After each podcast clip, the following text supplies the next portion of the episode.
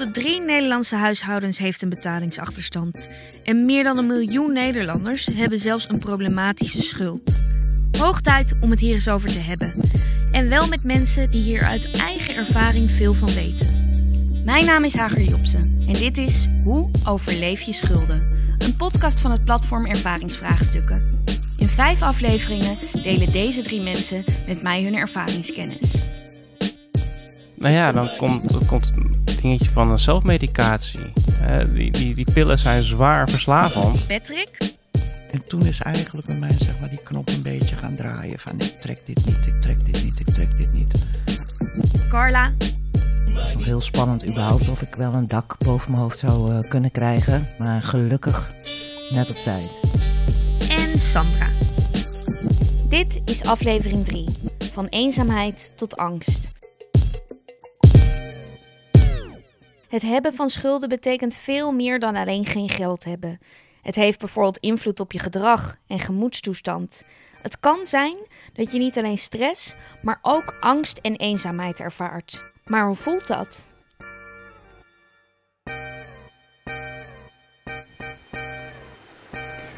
Ik begin deze aflevering met Patrick. Hou je van een mok of een glas? Daar zitten we weer, met een kop thee voor onze neus. Inmiddels weet ik al een heleboel van Patrick. Hoe hij een blessure kreeg en zijn sportcarrière aan de wilgen moest hangen. En hoe hij aan de drugs raakte en vervolgens in de schulden terecht kwam. Maar hoe voelde dat eigenlijk? Mijn moeilijkste periode was de aanloop naar mijn huisuitzetting. Het afgesloten worden van, van eh, elektra. Uiteindelijk ook afgesloten worden van water. Je moet heel, heel ver gaan in Nederland, wil je afgesloten worden van water. Eh, maar dat is mij wel overkomen. De wetenschap dat je thuis niet meer naar het toilet toe kan. Weet je, iedere, ieder mens moet een keer op een dag poepen. Hoe ga je dat doen en waar doe je dat? Hoe deed jij dat? Ik woonde redelijk in een ja, groene omgeving, laat het maar zo zeggen. En dan deed ik dat ergens buiten, want dat had ik vroeger met scouting wel geleerd. En dan een putje graven en dat putje dan weer dichtgooien. Ehm, maar dat was wel, was wel altijd s'nachts. Kun je beschrijven hoe, hoe, hoe, jouw, hoe jouw gedachten eruit zagen in die periode? Of hoe jouw dagen eruit zagen? Gedachten durf ik niet meer zo 1, 2, 3 uit te spreken, omdat dat heel, het is al een tijd geleden dat dit, dit gebeurd is.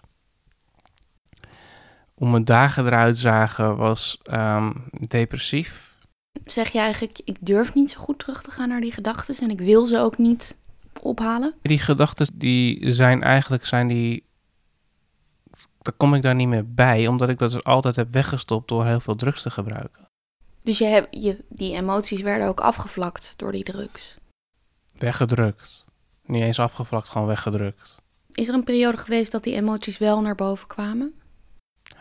Ja, ehm, toen ik stopte met alle drugs en, en alle drank en alle drugs, dat is zo'n vijf en een half jaar geleden. Eh, Toen heb ik echt wel eh, een maand of drie heb ik heel zwaar, eh, ben ik heel zwaar emotioneel geweest. En ik merk het nog steeds wel dat ik een heel stuk emotioneler ben dan dat ik eigenlijk altijd geweest ben. Wat, wat kwam er naar boven? Angst. Ja, angst. Ik heb een heleboel dingen gewoon onder het zand weggestopt. En wat nou als al die, al die, al die eh, skeletons toch ineens uit de kast komen? Waar was je bang voor wat er uit de kast zou komen? Van alles. Ehm, ik heb een heleboel rekeningen niet betaald. Telefoonrekeningen, gas, water en licht. ehm, abonnementen. eh, alles en nog wat. Autohuur. Eh, kan allemaal, dat kon allemaal naar boven toe komen. Is niet gebeurd. Een deel wel. Een deel niet. Omdat jij was van de radar verdwenen en je was niet altijd even goed te traceren. Nee, ik ben de hele tijd niet te traceren geweest. Er is een deel is er ook echt wel verdwenen en dat komt ook niet meer terug. Dat heb ik al nagevraagd, heb ik nagebeld, ben achteraan gegaan.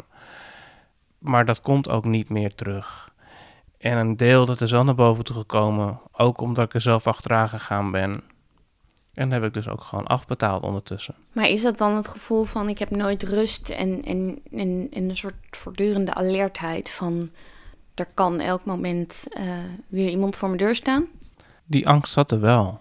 Je niet prettig voelen in je eigen woonomgeving, omdat er dus ieder moment, ieder moment van de dag een deurwaarder aan de deur kan staan die uh, eigenlijk de inventaris zult opnemen omdat hij die wil verkopen, omdat je schulden hebt.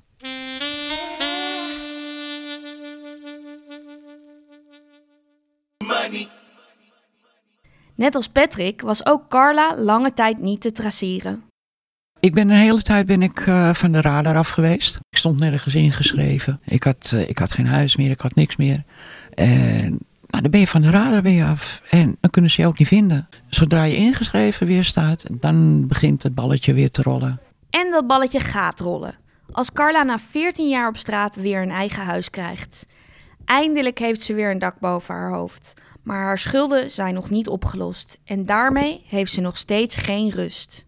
Je brievenbus openmaken, de bel gaat, deurwaarders aan je deur, brieven in je brievenbus.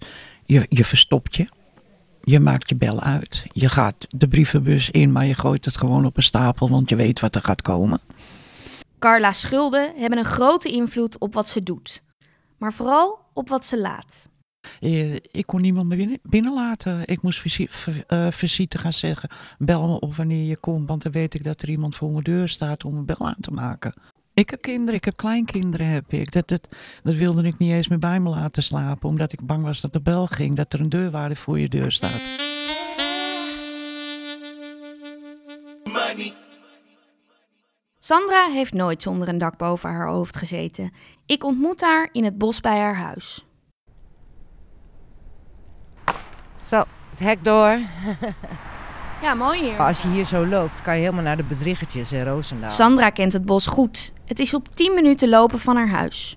Toen ze nog in de schulden zat, kwam ze er geregeld. Maar op een gegeven moment uh, heb ik me echt voorgenomen van ik ga wat vaker de natuur in. En als je dat dan doet, dan merk je ook dat, het even, ja, dat je even toch los bent uit uh, je sores.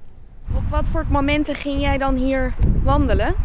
Op momenten dat ik even helemaal uh, erdoor zat, zeg maar. Of dat ik het even niet wist. Of uh, dat ik dacht van nou even de boel de boel laten. En het is uh, gratis. Het is gratis, ja dat ook zeker. Ja, niet geheel onbelangrijk. Nee, dat klopt inderdaad. Dat is wel dat is een van de weinige dingen die je gratis kan doen inderdaad. Gratis. En dat is heel belangrijk. Want Sandra moet met haar twee dochters rondkomen van 50 euro per week. Wat kan er niet wat jij daarvoor wel kan? Zeg maar, wat, wat, wat, wat, wat doe je niet als je in de schulden zit? Ik ging uh, weinig uit eten meer, wat ik voorheen altijd nog wel deed. Uh, niet even ergens een uh, kopje koffie drinken of even ja, avondje stappen of zo. Dat zijn dingen die kunnen gewoon allemaal niet meer. maar ook kleding kopen ging niet. Uh, ik liep bij de voedselbank, dus eigenlijk lukte dat ook. Zonder voedselbank had ik gewoon een hele lange tijd geen eten gehad. Het gaat eigenlijk niet eens zozeer om of je wel of geen schulden hebt. Uh, maar wel van hoeveel ruimte heb je nog om gewoon je leven te leven. Oh ja, dat had ik toen ook wel inderdaad. Toen de lockdown kwam de eerste keer dacht ik... nou, dan weet iedereen hoe het is als je niks kan. Sandra moest niet alleen zichzelf, maar ook haar twee kinderen van alles ontzeggen. Nou, dat was bijna Sinterklaas, weet je wel. En dan zijn er allemaal reclames op tv. En dan hebben, hebben. En dan denk ik, oh, ik voelde elke, elke keer het woord hebben, voelde ik gewoon wel in mijn buik. Dat ik denk, ja, dat gaat hem niet worden.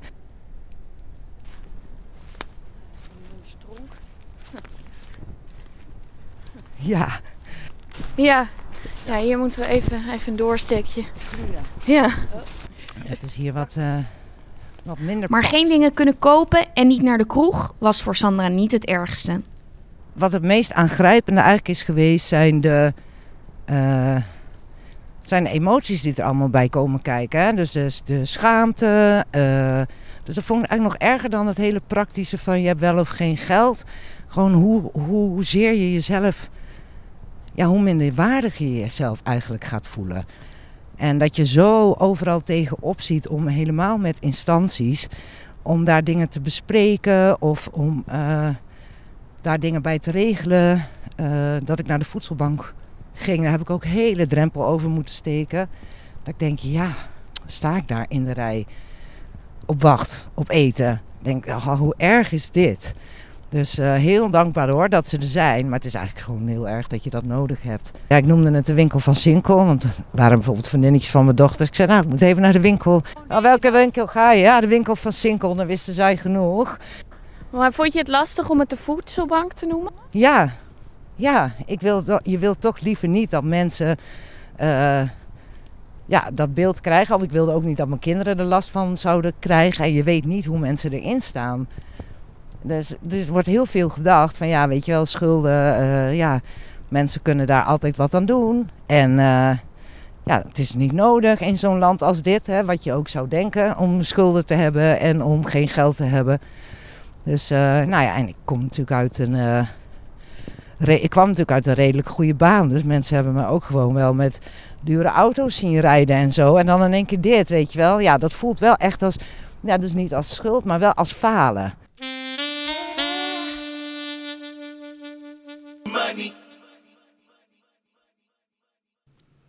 Even terug naar Patrick. Eerder vertelde hij me dat hij toen hij in de schulden zat veel last had van angsten. Die angsten heeft hij nu veel meer onder controle. Maar helemaal weg zijn ze niet. Ik vind het nog steeds moeilijk om voor mezelf een administratie te doen. Om voor mezelf die belastingpapieren te openen. Ik doe het ondertussen wel. Maar meestal liggen ze toch een week op tafel voordat ik ze überhaupt openmaak.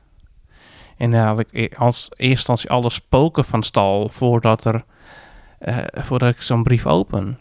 Want de angst voor wat er is, is misschien erger dan wat er daadwerkelijk aan de hand is. Op een gegeven moment uh, heb ik ook wel geleerd dat uh, het eigenlijk allemaal wel meevalt wat er in die brieven staat. En als er een tegenvaller in zit, dan ben ik ook, weet ik ook wel dat ze ondertussen bereid zijn om mee te denken hoe we dat op een fatsoenlijke manier kunnen oplossen.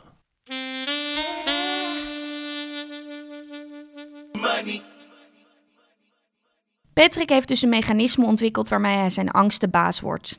Sandra wandelde vaak in het bos om zich beter te voelen. Ook koos ze er heel bewust voor om zichzelf niet alles te ontzeggen.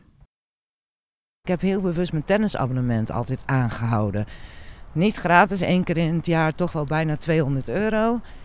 Maar dat is wel iets waarvan ik echt dacht van ja, dat moet ik gewoon blijven doen. Mm. Dat moet ik blijven doen. En je hebt dan nog contacten met mensen, want die waren ook wat minder natuurlijk.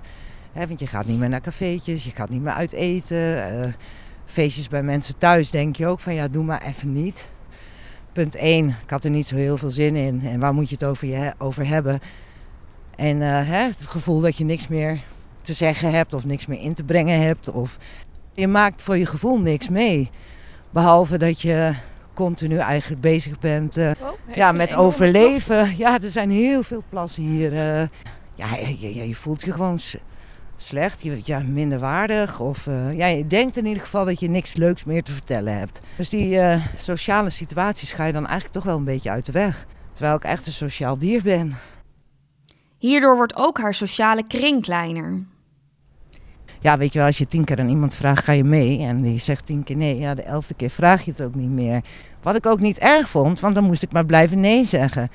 Hè, of ik zei iets af. Uh, ook omdat je gewoon niet lekker in je vel zit. Dus op het moment dat je het afspreekt, denk je, oh ja, leuk.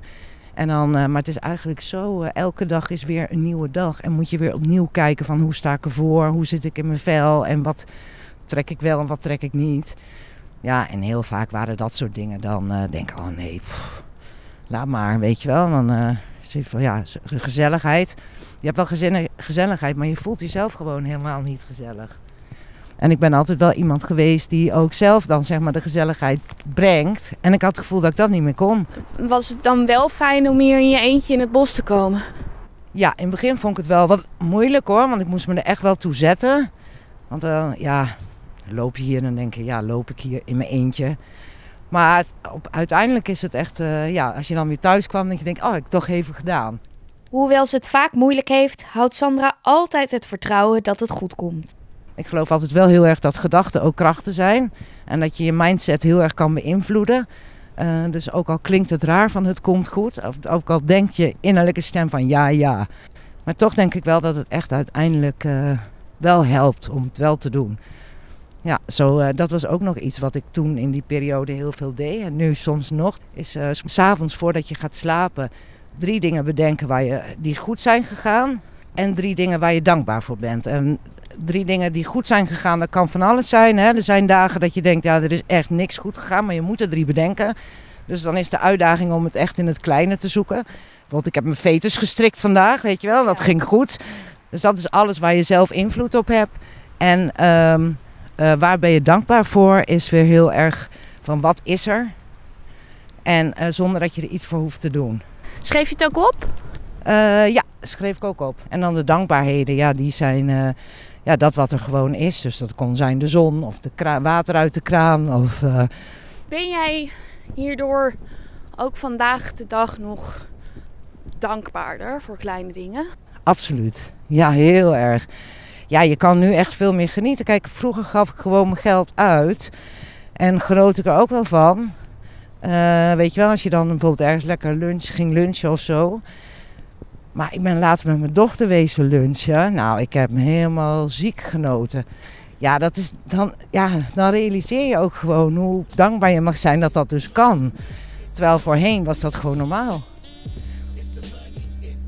Tegenwoordig kan Sandra weer af en toe uit eten of een biertje drinken in de kroeg. En ook Patrick en Cora hebben hun schulden grotendeels afbetaald. Cora met de hulp van de schuldhulpverlening en Patrick en Sandra zonder. Hierover hoor je de volgende keer meer in aflevering 4. De weg eruit.